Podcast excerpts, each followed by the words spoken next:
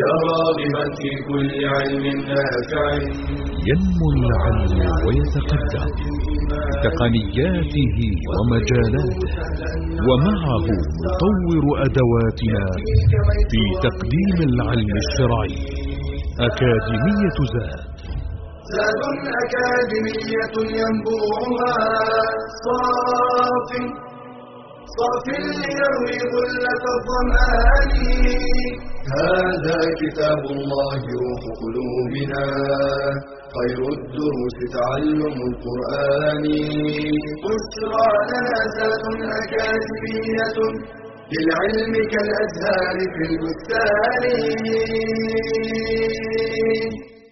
الحمد لله رب العالمين أحمده سبحانه وتعالى حمدا كثيرا طيبا مباركا فيه. والصلاة والسلام على سيدنا وحبيبنا رسول الله وعلى آله وأصحابه أجمعين. سبحانك لا علم لنا إلا ما علمتنا إنك أنت العليم الحكيم. اللهم علمنا ما ينفعنا وانفعنا بما علمتنا وزدنا علما. ما شاء الله كان. ونعوذ بالله من حال أهل النار. اللهم لا سهل إلا ما جعلته سهلا. وأنت تجعل الحزن إذا شئت سهلا. اللهم ارزقنا الإخلاص والتوفيق والقبول والعون. ثم أما بعد أيها الأحبة الكرام أيا طلبة العلم المباركون حي هلا بكم في هذا اللقاء المتجدد معكم. ونحن نعيش وإياكم بداية درسنا في التفسير. نعم. إنني أقول بداية درسنا في التفسير لأن الحلقات الماضية التي عشنا فيها معكم كانت تتحدث عن علوم القرآن الكريم. وكنا قد ختمنا ذلك بفضل الله عز وجل في اللقاء الماضي. وها نحن مستعينين بالله عز وجل متكلين عليه. نبدأ الحديث عن شيء من التفسير. ومما أحب أن أنبه عليه في مقدمة كلامي. اولا أننا ونحن نتحدث عن التفسير. لسنا في الحقيقة بذاك المقام العالي الذي يؤهله للحديث عن تفسير كلام الله عز وجل. ونحن كما ذكرت قبل الآن نقله.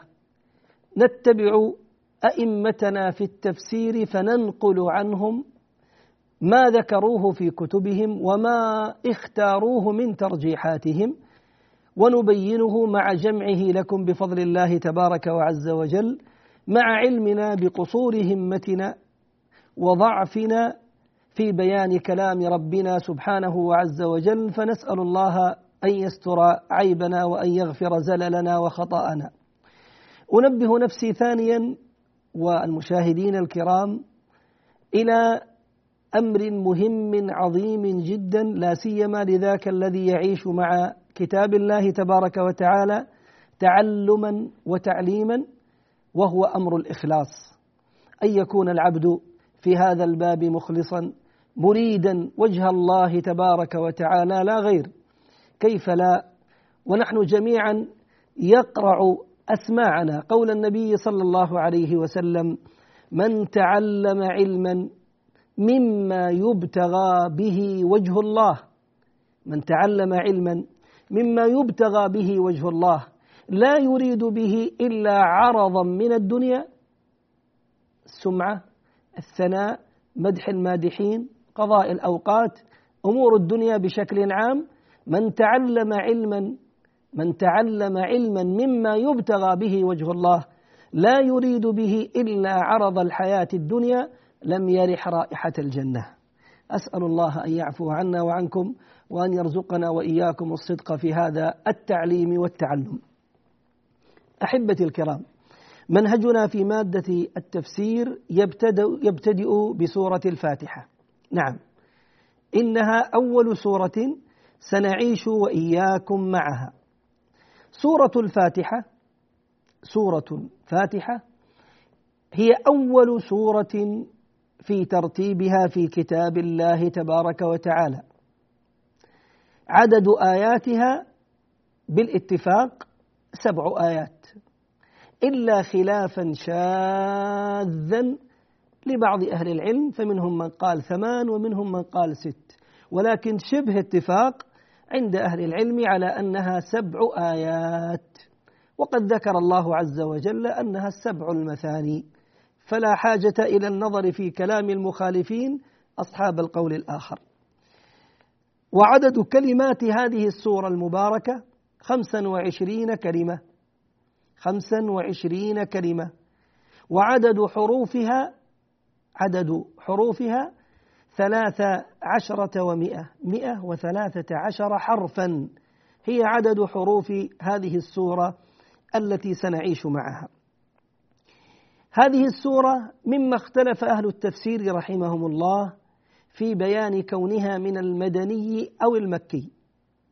ما المراد بالمدني والمكي؟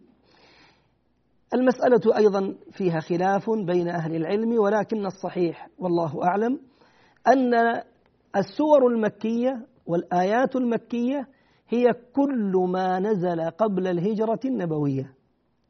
فكل ما نزل قبل هجرة النبي صلى الله عليه وسلم سواء أكان نزوله في مكة أو كان نزوله في غير مكة كالآيات التي من سورة الجن وغيرها التي كانت بين مكة والطائف في وادي نخلة في سورة الجن أو غيرها من الآيات التي نزلت في غير مكة فما دام أنها قبل الهجرة فتسمى هذه السورة تسمى هذه الآيات مكية.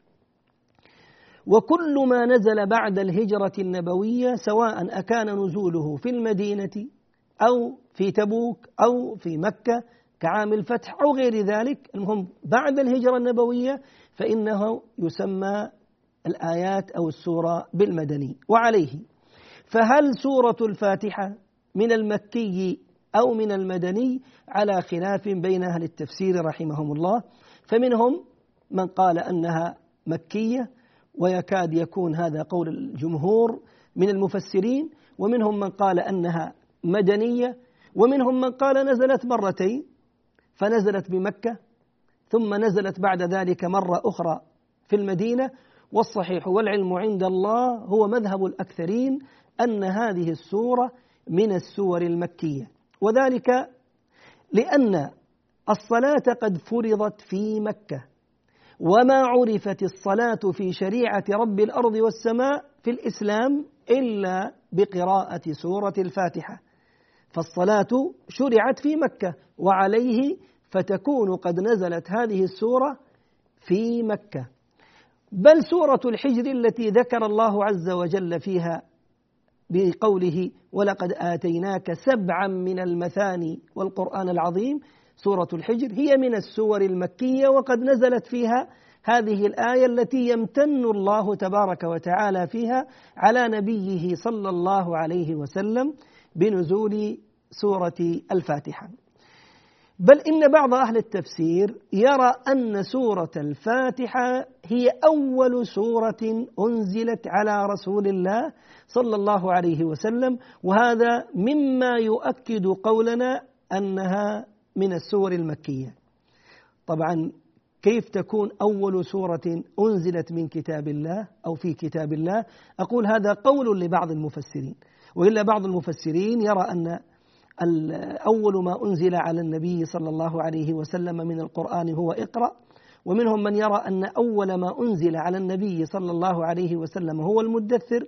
ومنهم من يرى أن أول ما أنزل على النبي صلى الله عليه وسلم هي سورة الفاتحة. والذي يظهر والله أعلم أنه لا تعارض بين هذه الأقوال الثلاثة. لا تعارض بين هذه الأقوال الثلاثة. كيف ذلك؟ نقول مستعينين بالله عز وجل. أولا سورة العلق هي أول ما أنزل من القرآن جملة لما نزل جبريل على النبي صلى الله عليه وسلم في الغار. قال له اقرأ. قال ما أنا بقارئ ثلاثا. ثم قال له اقرأ باسم ربك الذي خلق. اقرأ باسم ربك الذي خلق وللحديث بقية إن شاء الله بعد الفاصل. للعلم كالأزهار في البستان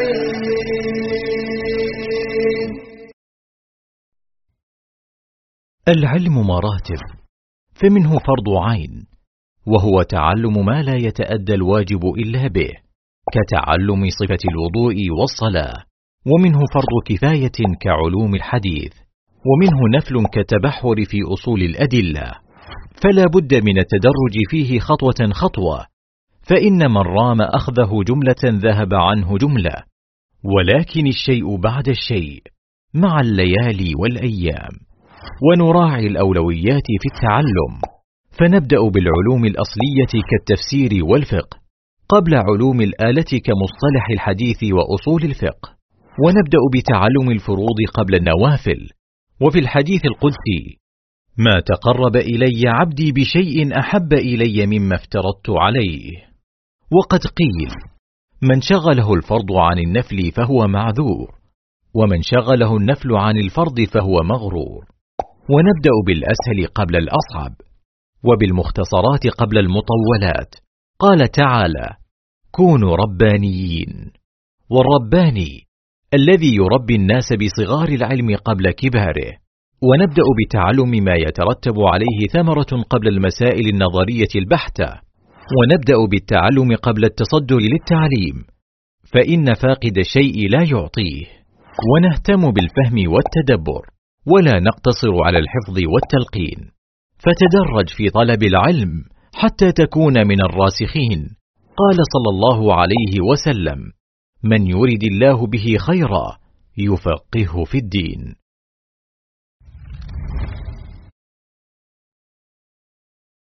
بشرى لنا أكاديمية للعلم كالأزهار في البستان. مرحبا بكم أيها الكرام. كنا نتحدث قبل الفاصل عن عدم التعارض بين أقوال العلماء الذين قالوا في في في خلافهم عن أول ما نزل من القرآن فقلنا أن بداية سورة العلق اقرأ باسم ربك الذي خلق هي أول آيات أول آيات نزلت من جملة القرآن كله. ثم سورة المدثر بدايات سورة المدثر يا أيها المدثر هي كما قال بعض أهل العلم هي أول ما أنزل من القرآن في الرسالة. في الرسالة والحث على الدعوة إلى الله عز وجل والقيام بأمر الله تبارك وتعالى. وسورة الفاتحة هي أول ما أنزل من القرآن كسورة متكاملة. كسورة متكاملة تماما. فسورة الفاتحة ما نزلت مقطعة كسورة العلق أو كسورة المدثر أو كغيرها من السور التي كانت تنزل مقطعة. ثم كلما نزلت آية أو آيتين أو ثلاث أمر النبي عليه الصلاة والسلام أن توضع في مكان كذا وكذا. لا سورة الفاتحة أنزلت جملة واحدة كاملة سبع آيات أنزلها الحق تبارك وعز وجل على نبيه صلوات ربي وسلامه عليه. وعلى هذا لا تعارض بفضل الله تبارك وتعالى بين أقوال أهل العلم في هذه المسألة. إذا هذه من المرجحات التي ترجح أن سورة الفاتحة من السور المكية. أن سورة الفاتحة من السور المكية كما ظهر لنا. سورة الفاتحة أيها المباركون من السور التي قد ورد في فضلها عن رسول الله صلى الله عليه وسلم عدد من الأحاديث. فمن ذلك حديث أبي سعيد بن المعلى وأبو سعيد هذا كما قال الطاهر بن عاشور في التحرير والتنوير اسمه نفيع بن الحارث اسمه نفيع بن الحارث. أبو سعيد بن المعلى كان يصلي في مسجد النبي صلى الله عليه وسلم. فناداه عليه الصلاة والسلام فاستمر رضي الله عنه وأرضاه في صلاته. فلما انقضى أو قضى صلاته جاء إلى النبي صلى الله عليه وسلم فقال له عليه الصلاة والسلام يا أبا سعيد أما سمعتني أناديك؟ أما سمعت إلى قول الله عز وجل يا أيها الذين آمنوا استجيبوا لله وللرسول إذا دعاكم لما يحييكم. فقال واعتذر للنبي صلى الله عليه وسلم بأنه قد كان في صلاة. فقال له عليه الصلاة والسلام لأعلمنك قبل أن تخرج من هذا المسجد أعظم سورة في كتاب الله عز وجل. لأعلمنك قبل أن تخرج من هذا الباب أو من هذا المسجد أعظم سورة في كتاب الله تبارك وتعالى.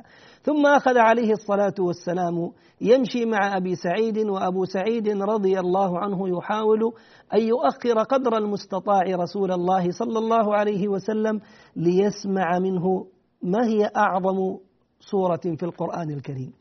حتى إذا وصل إلى باب المسجد ذكره رضي الله عنه وأرضاه فأخبره عليه الصلاة والسلام أنها سورة الفاتحة أنها سورة الفاتحة. وبمثل هذا الحديث ورد عن أبي بن كعب رضي الله عنه وأرضاه كذلك في حادثة مشابهة لهذه الحادثة كما رواه الإمام البخاري أنه عليه الصلاة والسلام ناداه ثم جاء فعاتبه بعتابه لأبي سعيد بن المعلى ثم قال له عليه الصلاة والسلام لأخبرنك بأعظم سورة أنزلت يعني في كتاب الله عز وجل أعظم مما أنزل في التوراة والإنجيل والفرقان. ثم أخبره عليه الصلاة والسلام أن هذه السورة هي سورة الفاتحة.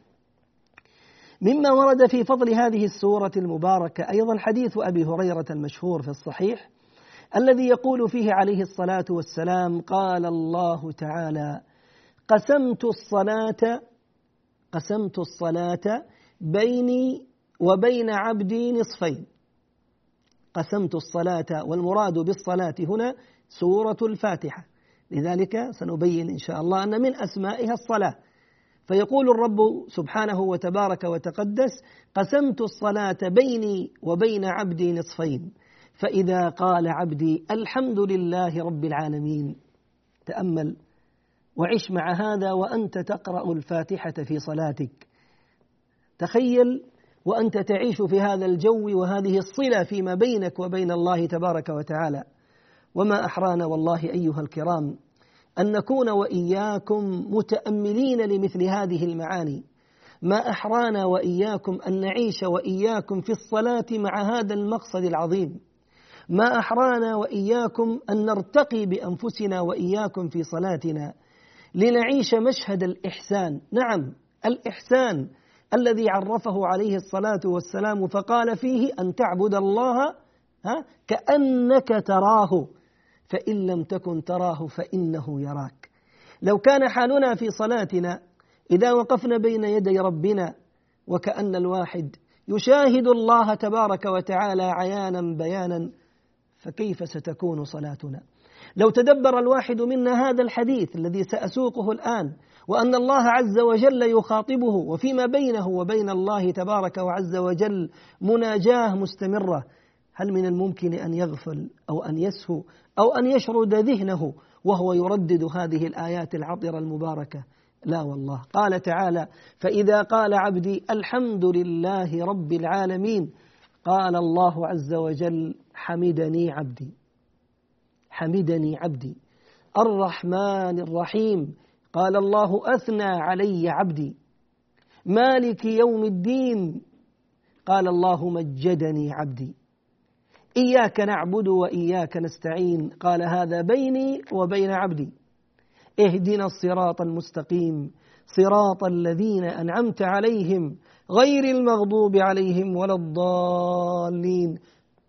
قال الله هذا بيني وبين عبدي ولعبدي ما سأل.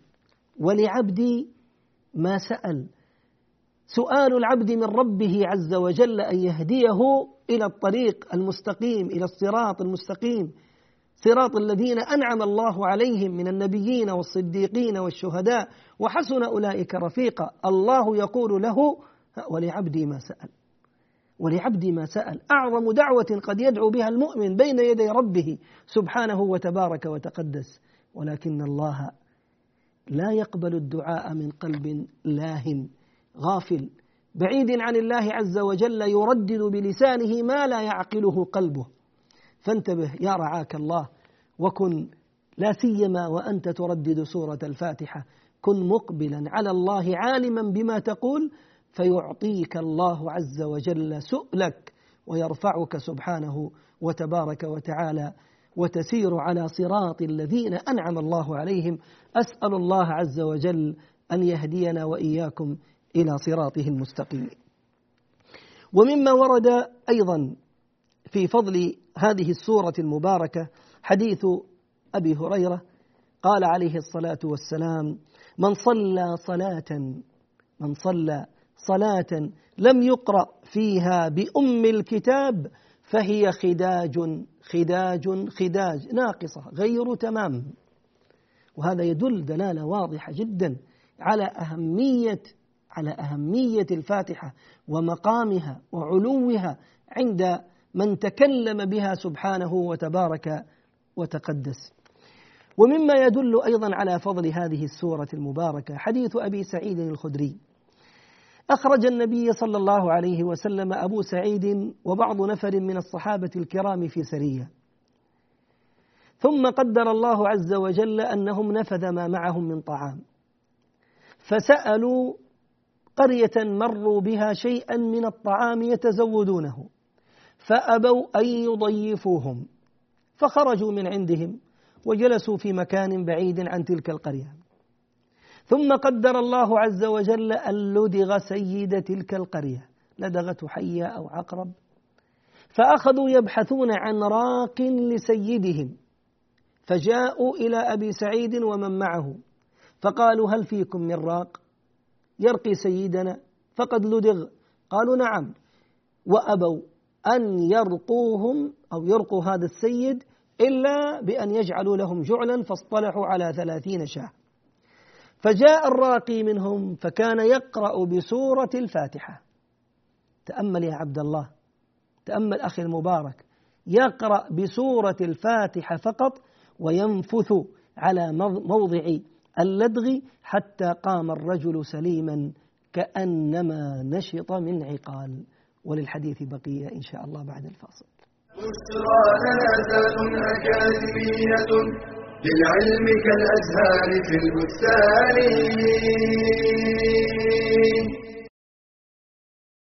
هل تظن العلم وجبة سريعة تجهز وتؤكل في لحظات؟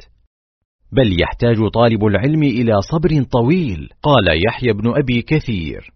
لا يستطاع العلم براحة الجسم فيصبر على حضور مجالس العلم ودوراته أو متابعتها عبر الشبكة. أو الفضائيات العلمية ويصبر على المراجعة حتى يثبت الحفظ. قال أبو بكر الصبغي عن بعض مسائل العلم كررتها على نفسي ألف مرة حتى تحققتها ويصبر على السهر في تحصيل العلم فإن في النهار أشغالا. قال بعض الفضلاء متى تبلغ من العلم مبلغا يرضي وأنت تؤثر النوم على الدرس والأكل على القراءة. ويصبر على النصب والتعب في تحصيل العلم. قال تعالى في قصة خروج موسى عليه السلام لطلب العلم. فلما جاوزا قال لفتاه آتنا غداءنا لقد لقينا من سفرنا هذا نصبا. ويصبر على إنفاق المال في طلب العلم وشراء الكتب. ونحو ذلك. قال إسماعيل بن عياش ورثت من أبي أربعة آلاف دينار أنفقتها في طلب العلم. فاصبر على طلب العلم حتى تنال طرفا منه واسأل الله المزيد. قال تعالى وقل رب زدني علما. بشرى أكاديمية للعلم كالأزهار في البستان. مرحبا بكم أيها الأحبة الكرام. كنا نتحدث عن حديث أبي سعيد في رقياه لذاك الرجل سيد القرية الذي لدغ وكيف أنهم بعد أن رقوه قام الرجل سليما كأنما نشط من عقال. أرادوا أن يقتسموا ذلك الجعل الذي جعل لهم فأبى بعضهم حتى يعودوا إلى رسول الله صلى الله عليه وسلم فيخبروه ويستأذنوه. فلما قدموا على النبي صلى الله عليه وسلم أخبروه الخبر فقال لهم عليه الصلاة والسلام كالمقر وما أدراك أنها رقية. رقية فمن أسمائها أيضا أنها رقية من أسماء هذه السورة المباركة. ومما يدل على فضل هذه السورة المباركة أيها الأحبة الكرام أنه قد ورد حديث عند الدارمي وإن كان في سنده شيء من الضعف ولكن هو من باب فضائل الأعمال أنها أي الفاتحة دواء من كل داء وفي رواية دواء من كل سم. ويؤيد هذا المعنى الذي في حديث الدارمي حديث أبي هريرة حديث عفوا أبو سعيد الذي ذكرناه قبل قليل في رقيتهم لهذا الرجل اللذيذ وتسمية النبي صلى الله عليه وسلم لهذه السورة بأنها بأنها رقية. فهذا مما يؤيد ذاك الحديث وعلى هذا فحري بنا كمؤمنين. إذا أراد الواحد منا أن يرقي نفسه أو أن يرقي أهله أو من شاء لينفع أخاه أن يستخدم هذه السورة فإن فيها من النفع في الرقية ما جرب فكان نفعه عظيما جدا بفضل الله تبارك وعز وجل. هذا بعض بعض ما ورد في فضل هذه السورة المباركة. هذه السورة التي نعيش معها ذكر بعض أهل العلم أن لها أسماء. أوصل الإمام السيوطي رحمه الله عدد أسماء هذه السورة إلى قرابة خمسا وعشرين اسما خمسا وعشرين اسما ومنهم من أنقص عن ذلك ومنهم من لم يذكر منها إلا ثلاثة أو أربعة لاعتقاده أن ما ثبت فيها هو ذاك أي في الأحاديث الصحيحة. فمثلا من أسماء هذه السورة المباركة الثابتة الصحيحة أنها تسمى بسورة الحمد. والسبب في ذلك أنها افتتحت بحمد الله تبارك وتعالى. فلما افتتحت هذه السورة بقول الله عز وجل الحمد لله رب العالمين سميت بسورة الحمد. وهذا بالاتفاق وهو واضح بين بفضل الله عز وجل من خلال ترتيب هذه السورة المباركة. ومن أسماء هذه السورة التي سنعيش معها السبع المثاني. السبع المثاني. أما كلمة السبع فلعدد آياتها. فآياتها كما ذكرنا بالاتفاق سبع آيات. ولهذا سماها الله عز وجل بالسبع. والمثاني قيل في معنى المثاني عدة أقوال. فمن ذلك لأنها تثنى في ركعتي الصلاة. تثنى في ركعتي الصلاة. وقيل سميت بالمثاني لأنها نزلت مرتين ثنتين نزلت بمكة ونزلت بالمدينة والأول أقرب والله أعلم. وتسمى أيضا بأم الكتاب. تسمى أيضا بأم الكتاب. والسبب في ذلك أنها حوت معاني القرآن الكريم كاملا. كيف ذلك؟ القرآن الكريم أيها المباركون هو في الجملة إما توحيد الله تبارك وعز وجل توحيد الله تبارك وعز وجل وإما ذكر عبادته تبارك وعز وجل وأحكامه من خلال الأوامر والنواهي وإما وإما ذكر شيء من القصص وقال بعضهم الوعد والوعيد. هذا هذا ما يحتويه في الجملة كتاب الله تبارك وعز وجل. ولهذا مثلا كانت سورة الإخلاص تعدل ثلث القرآن لأنها نسب الرحمن تبارك وعز وجل وتتكلم عن ذاته المقدسة تبارك وتعالى فكلها توحيد وإخلاص لله عز وجل. فسورة الفاتحة مثلا الملاحظ فيها يجد أنها تتحدث عن أنواع التوحيد الثلاثة كاملة. فتوحيد الربوبية في قول الله عز وجل الحمد لله رب العالمين رب العالمين. وتوحيد الأسماء والصفات في قوله سبحانه وعز وجل الرحمن الرحيم ومالك يوم الدين وتوحيد الإلهية أو الألوهية في قوله سبحانه وعز وجل إياك نعبد. إياك نعبد. فكانت بذلك هذه السورة المباركة محتوية على التوحيد كله. اثنين المتأمل في قوله سبحانه وعز وجل إياك نعبد وإياك نستعين العبادة ما هي؟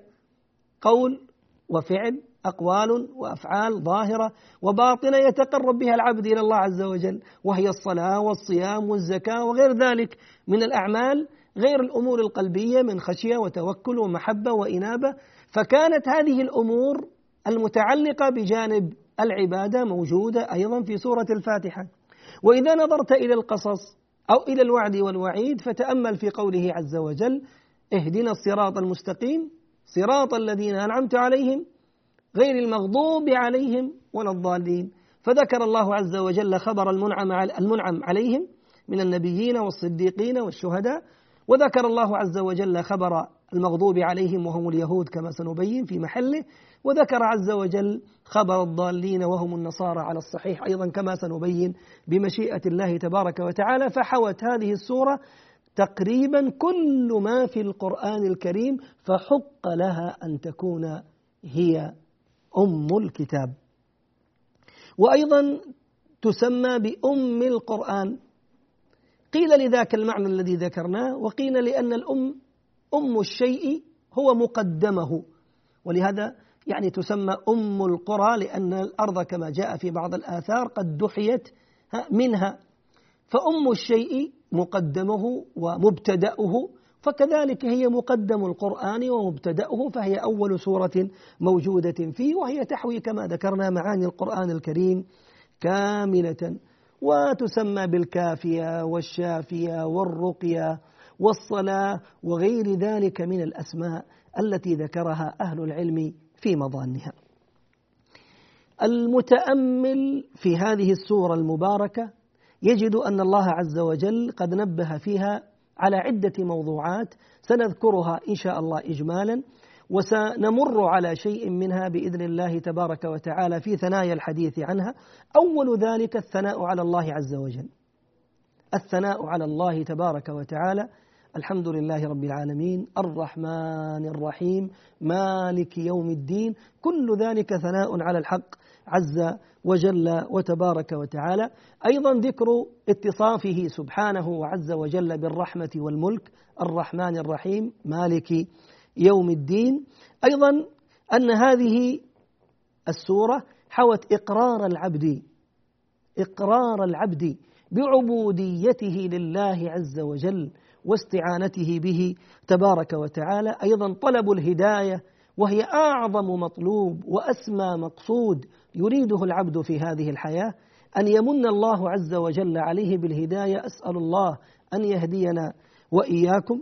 طلب الهداية من الله عز وجل إلى الصراط المستقيم صراط الذين أنعم الله تبارك وعز وجل.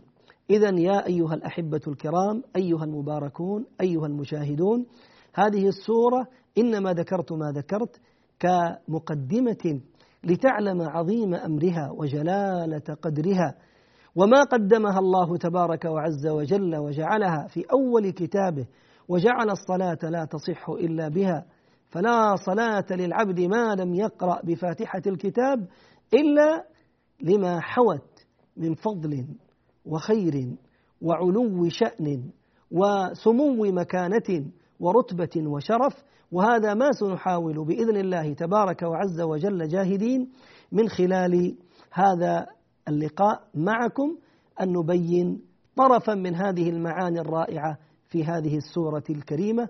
أسأل الله تبارك وتعالى بأسمائه الحسنى وصفاته العلى أن يفتح على قلوبنا وإياكم.